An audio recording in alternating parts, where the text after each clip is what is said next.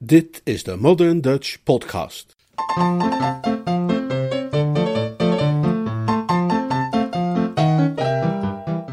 Golf is geluk. Een verhaal van P.G. Woodhouse uit de gelijknamige bundel die bij uitgeverij IJzer is verschenen.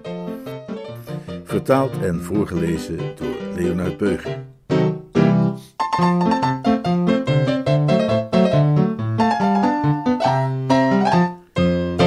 De jonge man kwam de rookzaal binnen van het clubhuis en liet zijn golftas met veel gekletter op de grond vallen. Met een chagrijnig gezicht zeeg hij neer in een leunstoel en drukte op de bel. Ober! Ja, meneer. De jonge man wees met een duidelijke walging naar de golftas. Die clubs, die mag jij hebben, zei hij. Haal ze alsjeblieft hier weg. En als je ze zelf niet kunt gebruiken, geef je dan maar aan een van de caddies. Vanaf de andere kant van het vertrek eh, keek het oudste lid hem door de opkringelende rook van zijn pijp met ernstige en droeve blik aan. Er lag een onkenbare diepte in die blik besloten. Het was de blik van een man die, zoals de dichter zegt, het golfspel in zijn leven heeft gepeild tot op de bodem, geproefd tot in de kern. Jij wilt ophouden met golf, zei hij. Het gedrag dat de jongeman vertoonde kwam voor hem niet onverwacht. Vanuit zijn arendsnest op het terras boven de negende green had hij gezien hoe hij die middag zijn ronde was begonnen en meerdere ballen had verspeeld in de vijver op de tweede hole, nadat hij voor de eerste hole al zeven slagen nodig had gehad. Ja, riep de jongeman nijdig uit, ik heb er absoluut genoeg van. Verdomme, wat een takkenspel, wat een allerjemig onzalig en gruwelijk stupide sukkelspel is dat, pure tijdverspilling. De oude wijze huiverde. Dat zou ik maar liever niet zeggen, beste knul.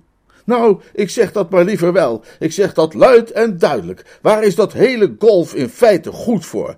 Het leven is hard en het leven is ernstig. Wij leven in een, in een zakelijk tijdperk. Overal om ons heen zien we de groei van buitenlandse concurrentie. En wij verknoeien onze tijd met golf spelen. Wat levert ons dat op? Heeft golf ook maar enig nut? Dat vraag ik u. Kunt u me ook maar één geval noemen waarin het beoefenen van dat verderfelijk tijdverdrijf iemand ook maar enig praktisch resultaat heeft opgeleverd? De oude wijze glimlachte mild. Daar kan ik je wel duizend voorbeelden van geven. Eén is genoeg. Dan kies ik, zei de oude wijze, uit de talloze herinneringen die mij in zwermen te binnen schieten, het verhaal van Cuthbert Banks. Nooit van gehoord. Verheugt u, sprak het oudste lid, want thans zult gij van hem vernemen. Het was in de pittoreske buurtschap Woodhills, zei het oudste lid, dat de gebeurtenissen die ik op het punt sta te verhalen plaatsvonden. Zelfs wanneer je nooit persoonlijk in Woodhills geweest bent, zal de naam van dat paradijs onder de voorsteden je waarschijnlijk niet onbekend voorkomen.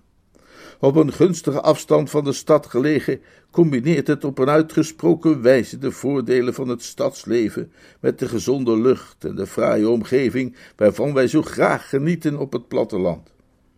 De gelukkigen die er wonen zijn gehuisvest in geriefelijke woningen op eigen grond en zijn voorzien van zoveel luxe als daar zijn een zanderige bodem, een riolering, elektrisch licht, uh, telefoon en ruime badkamers met warm en koud stromend water, dat het niet vreemd zou zijn te veronderstellen dat het leven voor hen dermate ideale vorm heeft aangenomen, dat het niet mogelijk zou zijn hun lot op welke wijze dan ook nog te verbeteren.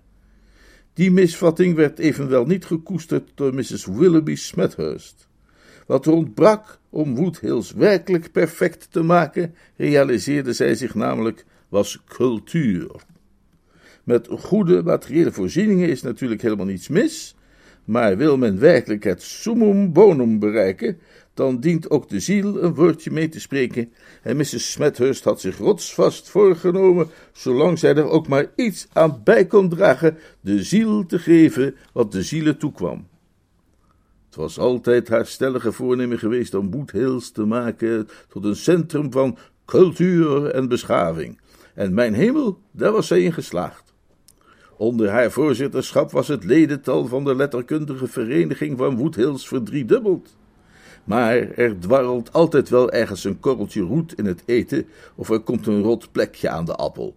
De plaatselijke golfclub, een instelling waar Mrs. Smethurst bijzonder tegen gekant was, had ook zijn ledental verdriedubbeld, en de scheidslijn die de bevolking van Woodhills in twee kampen verdeelde, dat van de golfers en dat van de cultuurbeoefenaars, was zichtbaarder geworden dan ooit. De tegenstelling tussen de twee partijen was altijd al aanzienlijk geweest, maar had de laatste tijd de proporties aangenomen van een waar schisma. De strijdende secten stonden in kille vijandschap tegenover elkaar, en ongelukkige omstandigheden vergroten nog die kloof. Het huis van Mrs. Smethurst grensde direct aan de golfbaan. Het stond rechts van de vierde tee. En aangezien men in deze letterkundige vereniging de gewoonte had om regelmatig sprekers uit te nodigen, had al menig golfer zijn afslag verknoeid ten gevolge van luide uitbarstingen van applaus en gejuich, die vaak onverwacht opklonken, precies op het moment van zijn downswing. En niet lang voor het tijdstip waarop dit verhaal zich afspeelt, was een slicebal het open raam binnengesuist en had op een haar na de jonge romanschrijver Raymond Parslow Divine, die wel een halve meter in de lucht sprong, beroofd van verdere ontwikkelingsmogelijkheden binnen zijn vak. Drie centimeter meer naar rechts en Raymond had zonder twijfel de pijp aan Maarten moeten geven. Om de zaak nog erger te maken, werd er vrijwel meteen daarna aangebeld en liet de meid, een overigens niet onaangenaam ogende jonge man, de kamer binnen, gekleed in een trui en een flodderige kniebroek, die zich weliswaar verontschuldigde, maar erop stond zijn bal te spelen vanaf de plek waar hij lag. De aanblik van die indringer bovenop tafel met zijn ijzeren zeven in de aanslag, en dat zo vlak na de krappe ontsnapping van de spreker aan een suizende bal, gaf de bijeenkomst van die middag een toch wat minder geslaagd karakter.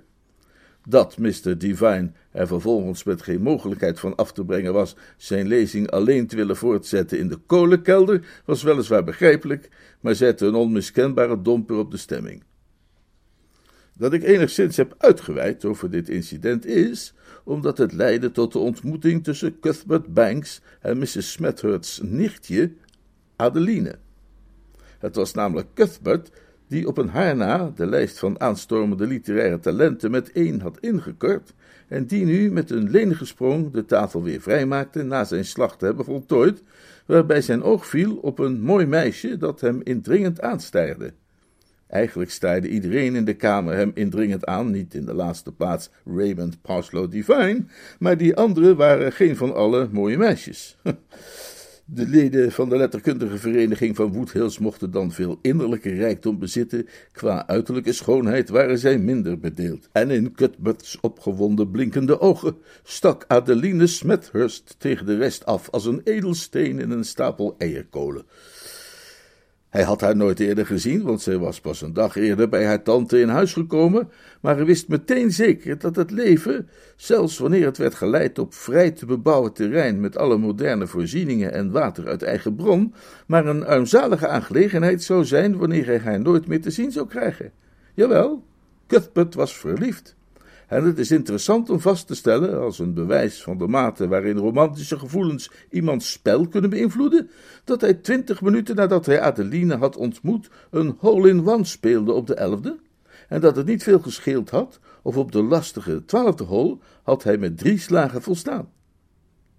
De eerste en ook de iets meer gevorderde stadia van Cuthbert's hofmakerij zal ik nu maar even onbesproken laten, want ik wil u direct meevoeren naar het moment, uh, tijdens het jaarlijkse liefdadigheidsbal ten behoeve van het plaatselijke ziekenhuis, de enige gelegenheid in de loop van het jaar waarbij, om zo te zeggen, de leeuw ter neer lag bij het lam en de golfers en de culturelen op vriendschappelijke basis met elkaar plachten om te gaan en hun geschillen tijdelijk lieten voor wat ze waren, waarop Cuthbert Adeline ten huwelijk vroeg, maar nu juist die bal niet gespeeld kreeg. De fijnbesnaarde schone zag hem eenvoudig niet staan. Meneer Banks, zei ze, ik zal eerlijk tegen u zijn. Dat lijkt me geweldig verzekerde Cuthbert haar. Ik voel mij vanzelfsprekend bijzonder vereerd door u. Tuurlijk, tuurlijk. Groot compliment en al dat soort dingen. Maar het gebabbel even terzijde. Uh, wat is het probleem? Ik hou waanzinnig veel van je. Ja, maar liefde is niet alles. Daar vergis je je in, zei Cuthbert ernstig. Dat heb je helemaal mis. Liefde. Hij had graag uitgeweid over dat thema, maar zij onderbrak hem. Ik ben een meisje met ambitie. Dat siert je, zei Cuthbert.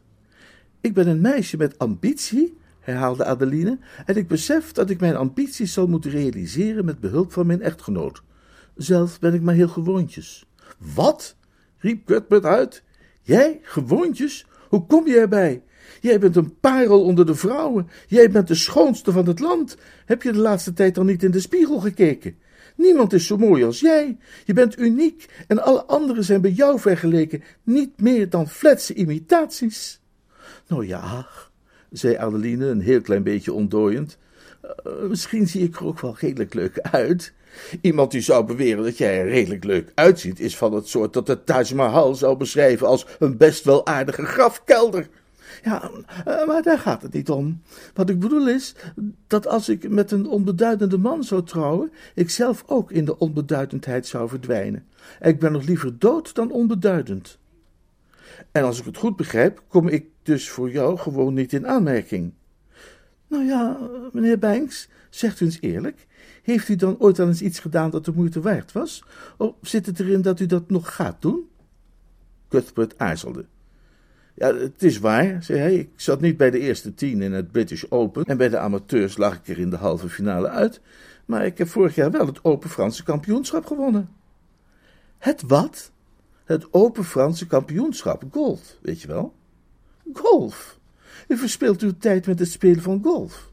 Ik heb meer bewondering voor een man met een spirituele en intellectuele belangstelling. Een plotselinge, tergende vlaag van jaloezie verscheurde Cuthbert's boezem. Zoals die, hoe heet hij? Die Divine, suggereerde hij nors.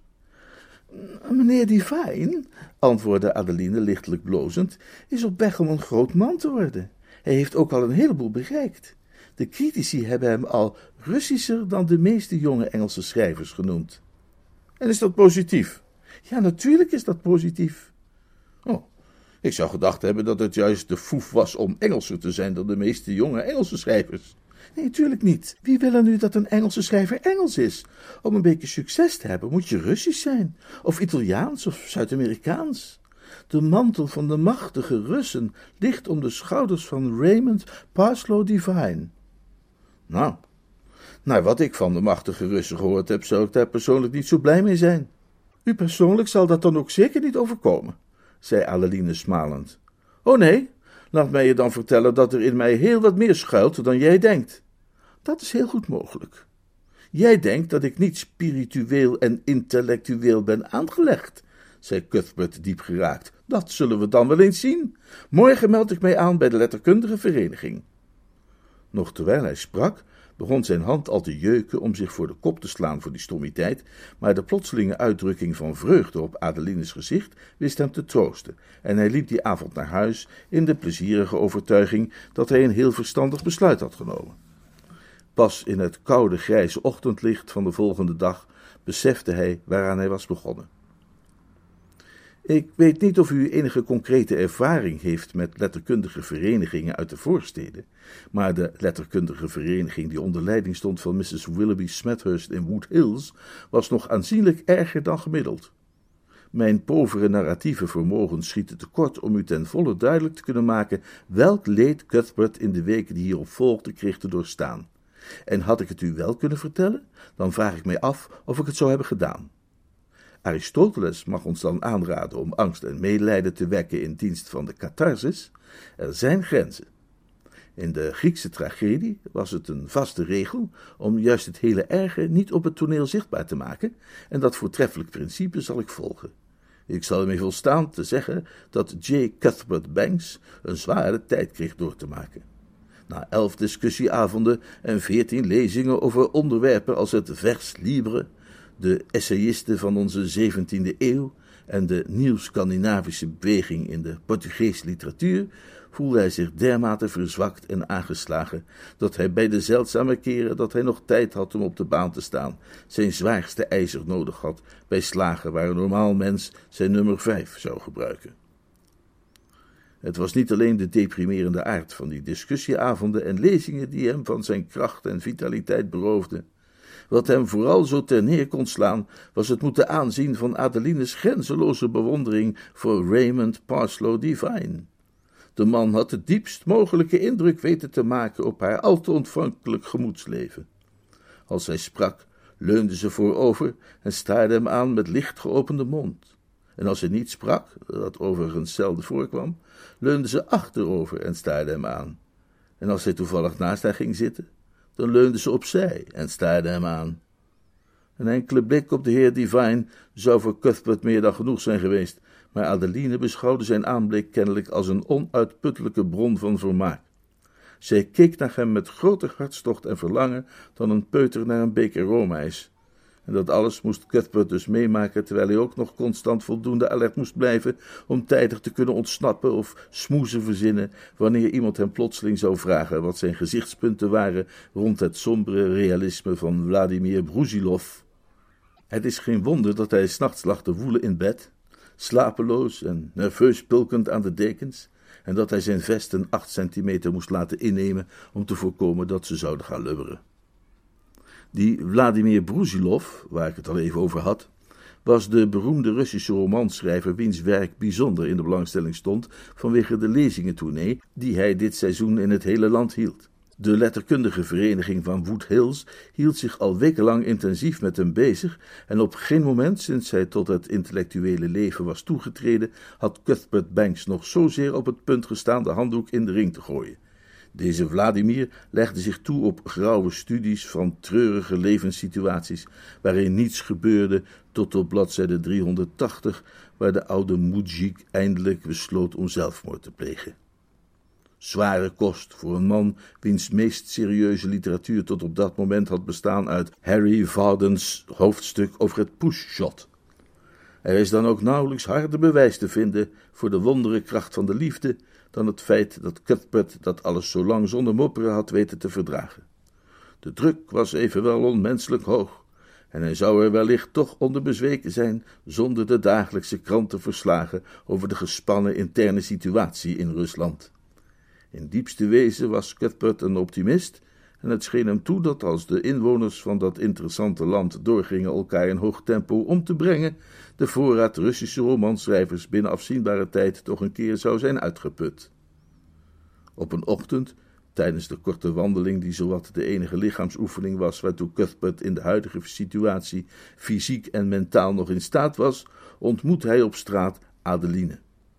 Een kramp van smart joeg door al zijn zenuwcentra toen hij zag dat zij in gezelschap was van Raymond Parslow Divine. Goedemorgen, meneer Banks, zei Adeline. Goedemorgen, zei Cuthbert met holle stem. Wat een goed nieuws over Vladimir Brusilov, vindt u niet? Is hij dood? vroeg Cuthbert met iets van hoop in zijn stem. Dood? Natuurlijk niet. Waarom zou hij dood zijn? Nee.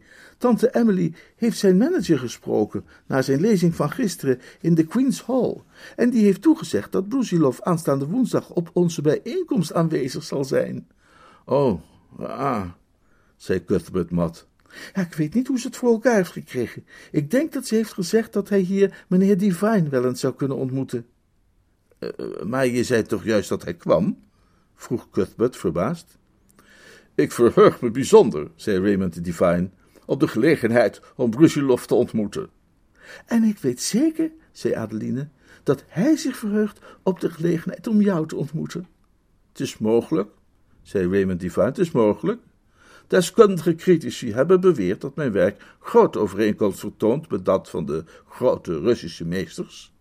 Psychologisch gaat jouw werk heel diep. Dat klopt, dat klopt. En niet te vergeten de sfeer in jouw werk. Het is waar. Met uiterst pijnlijke gewaarwordingen in de hartstreek besloot Cuthbert dit liefdesfestijn maar liever te verlaten. De zon stond stralend aan de hemel, maar voor hem was dit een zwarte dag. De vogels zongen lustig in de bomen, maar hij hoorde ze niet. Qua levensvreugde had hij een oude moeziek kunnen zijn. Bent u er ook op die bijeenkomst, meneer Banks? Vroeg Adeline, terwijl hij zich al omdraaide. Oh, ik uh, denk van wel, zei Cuthbert. Toen Cuthbert de volgende woensdag de salon binnenkwam en zijn gewone plaatsje opzocht in een verre hoek, van waar hij kon genieten van het uitzicht op Adeline, maar waar hij tegelijkertijd een goede kans maakte om onopgemerkt te blijven of voor een meubelstuk te worden gehouden, zag hij de grote Russische denker daar al zitten, te midden van een kring van vrouwelijke bewonderaars. Raymond Parslow Divine was nog niet gearriveerd. Zijn eerste blik op de beroemde romanschrijver verbaasde hem. Ongetwijfeld op grond van de beste motieven had Vladimir Brusilov zijn gezicht vrijwel geheel laten overwoekeren door een ondoordringbaar struweel van haar. Maar ergens tussen het kreupelhout waren zijn ogen zichtbaar gebleven, en de uitdrukking in die ogen deed Cuthbert sterk denken aan die van een kat die in een vreemde tuin terecht is gekomen en zich omsingeld ziet door een groep kleine jongens op zoek naar een pretje. De man zag er eenzaam en wanhopig uit, en Cuthbert vroeg zich af of hij misschien slecht nieuws had gekregen van thuis. Dat was niet het geval. Het laatste nieuws dat Vladimir Brusilov uit Rusland had ontvangen was juist bijzonder opwekkend geweest. Drie van zijn belangrijkste schuldeisers waren omgekomen in de jongste massale aanval op de bourgeoisie. En iemand die hij al vijf jaar lang de prijs schuldig was van een samovar en een paar overschoenen, was het land uitgevlucht en had sindsdien niets meer van zich laten horen. Nee, het was geen slecht nieuws van thuis dat Vladimir kwelde. Wat hem dwars zat, was het feit dat dit de 82ste bijeenkomst was van een letterkundige vereniging of leesclubje in de provincie, die hij had moeten bijwonen sinds hij in het land was voor een lezingentournee, en dat het een mijlenver de keel uithing. Toen zijn literair agent met het idee gekomen was voor deze tournee, had hij zonder een ogenblik te aarzelen zijn handtekening gezet op het stippellijntje. Omgerekend in roebels had het aangeboden bedrag hem bijzonder aangetrokken. Maar nu hij hier zat en door de bossages naar de gezichten staarde om hem heen, waarbij hij zich realiseerde dat 80% van de aanwezigen wel een of ander manuscript bij zich droeg en alleen maar wachtte op een kans om dat tevoorschijn te trekken en eruit te beginnen voor te lezen, wilde hij alleen maar dat hij rustig thuis was gebleven in Nizhny Novgorod waar het ergste wat je kon overkomen was dat er een handvol bommen door het raam naar binnen vloog, terwijl je net beginnen wilde aan je zachtgekookte eitje. Op dit punt van zijn overwegingen gekomen, bespeurde hij dat zijn gastvrouw voor hem was opgedoemd in gezelschap van een bleke jonge man met een hoornen bril op. Mrs. Smethurst's houding vertoonde een verontrustende gelijkenis met die van de wedstrijdleider tijdens een boksgala die voor de belangrijkste wedstrijd de uitdager aankondigt. Oh, meneer Brusilov, zei Mrs. Smethurst, mag ik u even voorstellen aan meneer Raymond Parslow Divine, wiens werk u waarschijnlijk wel kent. Hij is een van onze aanstormende jonge romanschrijvers. De voorname gast tuurde behoedzaam en afwerend tussen het gebladerte door, maar sprak geen woord. Hij bedacht bij zichzelf hoe sterk deze Divine leek op de 81 andere aanstormende jonge romanschrijvers aan wie hij was voorgesteld in de diverse andere voorsteden die hij overal in het land had bezocht. Raymond Parslow Divine boog beleefd, terwijl Cuthbert vanuit zijn veilige hoekje nijdig naar hem gluurde. De critici, zei meneer Divine, zijn zo vriendelijk geweest erop te wijzen dat in mijn werk veel van de Russische geest valt aan te treffen ik ben aan de grote Russen veel verschuldigd. Zo ben ik sterk beïnvloed door Sovjetski. Er ritselde iets diep in het woud. Het was Vladimir Brusilovs mond die zich opende. Vladimir stond op het punt iets te zeggen. Hij was niet iemand die gemakkelijk babbelde, zeker niet in een vreemde taal. Hij wekte eerder de indruk dat elk woord dat hij uitte moeizaam uit zijn binnenste was opgegraven met behulp van geavanceerde mijnbouwtechnieken. Hij wierp een akelige blik op de heer Divine en liet zich drie woorden ontsnappen. Sovjetski niet goed. Er was een korte pauze. Daarna kwam de machinerie opnieuw in beweging en nog vijf woorden werden aan de oppervlakte gebracht. Ik spuug mij op Sovjetski. Hierop volgde een pijnlijke algemene reactie. Het kan bijzonder benijdenswaardig zijn om populair te zijn binnen een bepaalde kring, maar het nadeel van een dergelijke positie is de onzekerheid ervan. Heden gezond, morgen in de grond. Tot op het huidige moment had de koers van Raymond Parsley Divine binnen intellectuele kringen te Wood Hills opvallend hoog gestaan, maar er volgde nu een scherpe daling. Tot nog toe had men hem hoogelijk bewonderd vanwege zijn verwantschap met Sovjetski, maar dit bleek opeens niet comme il faut. Het bleek kennelijk juist heel verkeerd. Juridisch was er wellicht niets in te brengen tegen een verwantschap met Sovjetski, maar naast de wet is er ook nog zoiets als de ethiek, en het was glashelder dat Raymond Parslow Devine daartegen had gezondigd. Vrouwen deden een stapje bij hem vandaan, waarbij zij hun rokken tegen zich aanhielden, en mannen wierpen hem kritische blikken toe. Adeline Smethurst ontstelde heftig en liet een theekopje vallen. Maar Cuthbert Banks, binnen zijn imitatie van de vergeten paraplu in de hoek, kreeg voor het eerst het gevoel dat er in het leven ook wel eens een zonnestraaltje kon schijnen. Raymond Parslow Devine was duidelijk geschokt, maar deed een handige poging om zijn verloren prestige te herwinnen. Als ik zeg dat ik beïnvloed ben door Sovjetski, bedoel ik natuurlijk dat ik ooit erg van hem onder de indruk ben geweest. De jonge schrijver begaat menige dwaasheid, nietwaar? Maar die fase heb ik gelukkig al lang achter mij gelaten. De valse glans van een Sovjetski weet mij niet langer te verblenden. Hm? Tegenwoordig behoor ik met hart en ziel tot de school van Nastikov. Er was opnieuw een reactie. Mensen knikten instemmend naar elkaar. Een jeugdzonde mag men een mens niet blijven aanrekenen. Wanneer iemand aan het begin van zijn carrière zijn juiste vorm nog niet heeft gevonden, kan alleen maar blij zijn als hij op een dag dan toch het licht ziet. Hmm, Nastikov, niet goed, zei Vladimir Brusilov onbewogen. Het was even stil terwijl de machinerie opnieuw werd ingesteld. Nastikov erger dan Sovjetski. Een nieuwe korte stilte. Ik spuug mij op Nastikov. Deze keer was alle twijfel verdwenen.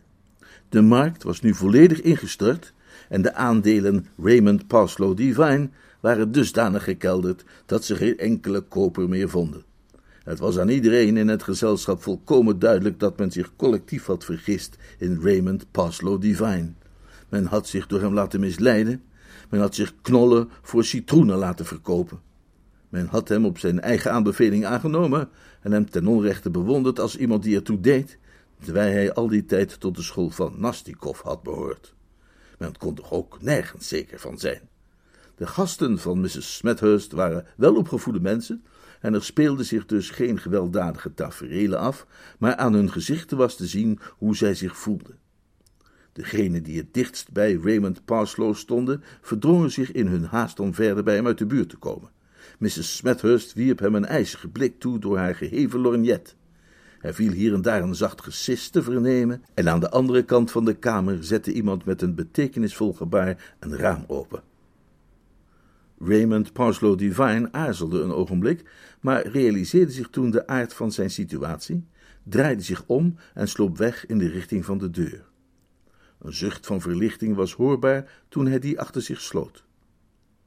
Vladimir Brusilov ronde zijn opmerkingen af. Mm, alle schrijvers niet goed, behalve ik. Sovjetski, Nastikov, ba. Ik spoeg mij op allemaal. P.G. Woodhouse en Tolstoy niet slecht. Niet goed, maar niet slecht. Geen schrijvers zijn goed, behalve ik. Na het poneren van deze heldere stelling nam hij een plak cake van een nabijgelegen schaal en leidde die door de wildernis, waarna smakkende geluiden van achter de begroeiing konden worden vernomen. Dat er een doodse stilte viel is dus te veel gezegd, want in een ruimte waar Vladimir Brusilov cake eet is dat per definitie onmogelijk, maar het geroezemoes om hem heen stierf wel degelijk weg. Niemand durfde als eerste het woord te nemen. Beschroomd keken de leden van de letterkundige vereniging van Wood Hills elkaar aan.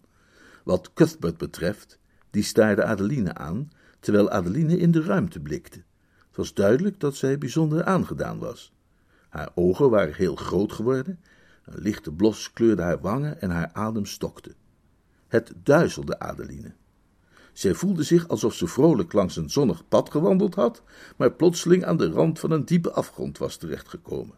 Zou zinloos zijn om te ontkennen dat Raymond Parslow Devine haar bijzonder had aangetrokken.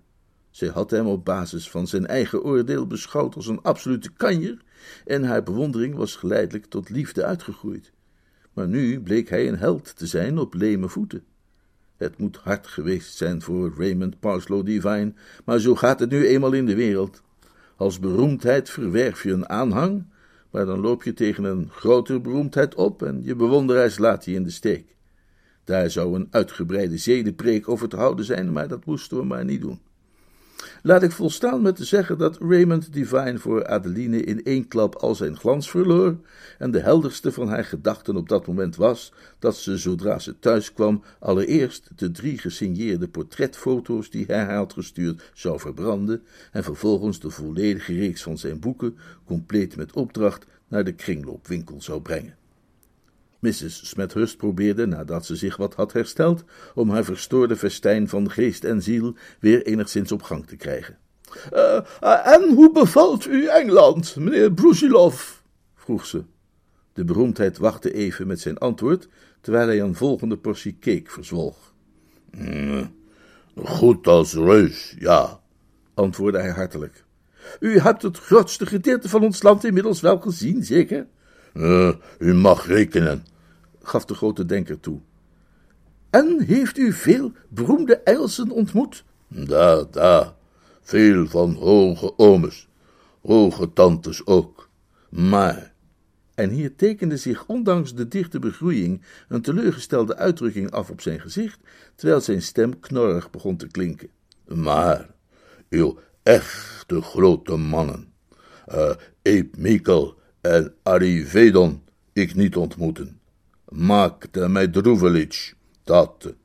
Hebt u wel eens ontmoet, Eep Mikkel en Arrivedam?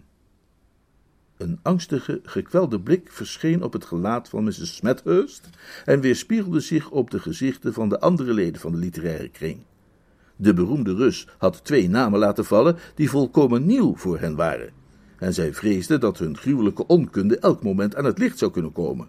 En wat zou Vladimir Brusilov dan wel denken van de letterkundige vereniging van Wood Hills?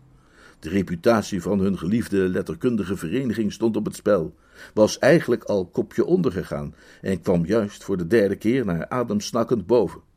In stille doodsangst liet Mrs. Smethurst haar blik nog een keer door de kamer gaan, wanhopig op zoek naar iemand die de hulp zou kunnen snellen. Die vond ze niet. Dubbel nul. Maar toen, klonk uit een verre hoek van het vertrek opeens een misprijzend kuchje, en degenen die het dichtst bij Cuthbert in de buurt zaten, zagen dat hij opgehouden was, afwisselend zijn rechtervoet rond zijn linker enkel te winden en zijn linkervoet rond zijn rechterenkel, en overeind was gaan zitten met een bijna menselijk intellect blinkend in zijn ogen. Eh, zei Cuthbert, terwijl hij bloosde onder de blikken van alle aanwezigen die zich op hem richtten.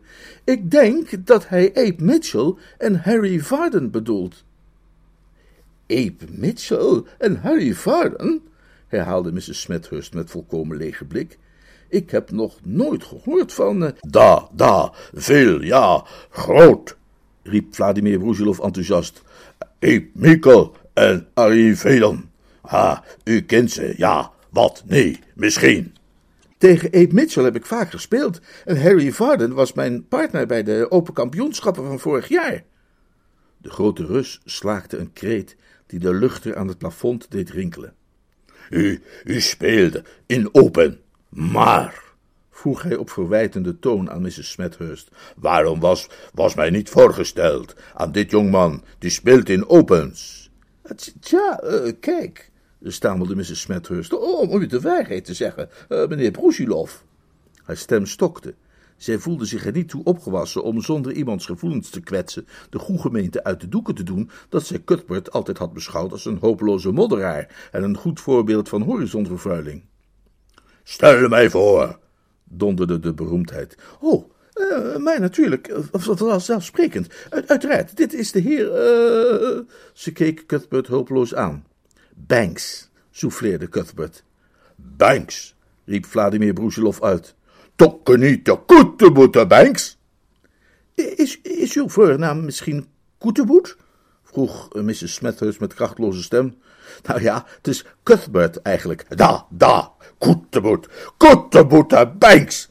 Met de nodige deining wrong de omstuimige Moscoviet zich nu onverhoeds door de menigte naar de plek waar Cuthbert zat. Heel even bleef hij staan om hem opgewonden in ogenschouw te nemen, maar voordat Cuthbert zich in veiligheid had kunnen brengen, boog hij zich naar hem over en kuste hem hartstochtelijk op beide wangen. Mijn brave jongman, ik zag jou speel in het Frans Open. Gaaf, gaaf, prachtige puik. Te gek, u kunt mij rustig citeren daarvan. Sta toe dat een man, die maar achttiende was, in Nizhny Novgorod, u nogmaals omhelst. Hij kuste Cuthbert opnieuw. Vervolgens veegde hij een of twee intellectuelen die in de weg stonden aan de kant, trok een stoel bij en ging zitten. U bent de grote man, zei hij. Wel nee zeg, zei Cuthbert bescheiden. Da, da, grote, veel, zeer. Zoals u de bal vanuit elk hoek prachtig voor hol weet te leggen. Ach, ik, ik weet niet. Brusilov trok zijn stoel nog dichterbij. Laat mij u mooie verhaal vertellen over Poeten. Op een dag ik speel in Nizhny Novgorod met de pro tegen Lenin en Trotsky. En Trotsky, hij lag op een vijf centimeter van de hol. Maar als hij wil slaan, iemand probeert Lenin te vermoord met een revolver. Als u weet, is nationaal sport proberen Lenin vermoord met een revolver. En door de knal miste Trotsky zijn slag en slaat bal vijf meter voorbij de holen. En Lenin, hij is dan ook al geschrokken, u begrijpt. Hij mist ook en wij winnen de hol en de wedstrijd. Ik verdien 396.000 roebel. Is er 15 shilling in uw geld. Prachtige wedstrijd. Zonder andere mooie verhaal vertel. In de rest van het vertrek kwam inmiddels een gemompelde en nogal richtingloze conversatie op gang, waarin de intellectuelen van Woodhills op beschaafde wijze trachten te verbergen dat bij deze ontmoeting van diep verwante zielen hun eigen aanwezigheid ongeveer zo toepasselijk was als die van een stel katten op een hondenshow. Af en toe schrokken ze even op als Vladimir Brusilovs donderende lach opklonk. Wellicht konden zij enige troost vinden in het feit dat hij zich althans vermaakte. Wat Adeline betrof, hoe zal ik haar emoties beschrijven? Ze was verbijsterd. De steen die de bouwers verwierpen was onder haar ogen geworden tot de hoeksteen. Het kansloze paard was er met de prijs van doorgegaan. Een golf van tedere bewondering voor Cuthbert Banks overspoelde haar hart. Ze zag in hoezeer ze het had misgehad. Cuthbert, die zij altijd met een kille neerbuigendheid was tegemoet getreden, was in werkelijkheid een man om hooglijk tegenop te zien en te bewonderen. Een diepe smachtende zucht deed Adeline's tengere gestel rillen. Een half uur later stonden Vladimir Brusilov en Cuthbert Banks op. De, de goede dag, Mrs. Smethurst, zei de beroemdheid. Dank voor het charmante bezoek. Dank zeer. Mijn vriend de Koeteboet en ik gaan nu een paar holes slaan. Kan ik er van u lenen een paar clubs, vriend de Koeteboet? Zoveel je wilt. Ik gebruik vooral Ironsky 7. De goede dag, Mrs. Smethurst. Ze liepen in de richting van de deur toen Cuthbert voelde hoe iemand voorzichtig een hand op zijn arm legde. Adeline keek hem liefdevol in de ogen. Mag ik met je mee misschien? Ik zou graag een ronde met je meelopen. Cuthbert haalde diep adem. Oh ja, zei hij en zijn stem trilde. Ik zou willen dat je een leven lang met mij meeliep. Hun ogen vonden elkaar. Misschien, fluisterde zij zachtjes, misschien valt dat wel te regelen. En zo zie je, besloot het oudste lid zijn verhaal, dat golf wel degelijk van groot praktisch belang kan zijn in mensenleven. Raymond Parslow Divine, die geen golf speelde, zag zich genoodzaakt om op de kortst mogelijke termijn te verhuizen en is thans, voor zover ik weet, werkzaam als scenario-schrijver voor de Flicker Film Company in Californië. Uh, Adeline is met Cuthbert getrouwd en hij heeft hard moeten pleiten om te voorkomen dat hun oudste zoon bij de doop de namen Abe Mitchell Titanium Supergrip Banks zou ontvangen, want zij is tegenwoordig een minstens zo toegewijd beoefenaar van de edele sport als haar echtgenoot. Mensen die haar goed kennen beweren dat hun relatie dermate hecht is dat. De oude wijze brak zijn zin af, want de jonge man was de deur uitgerend, de gang in. Door de open deur was te horen hoe hij opgewonden naar de ober riep om hem zijn clubs terug te brengen.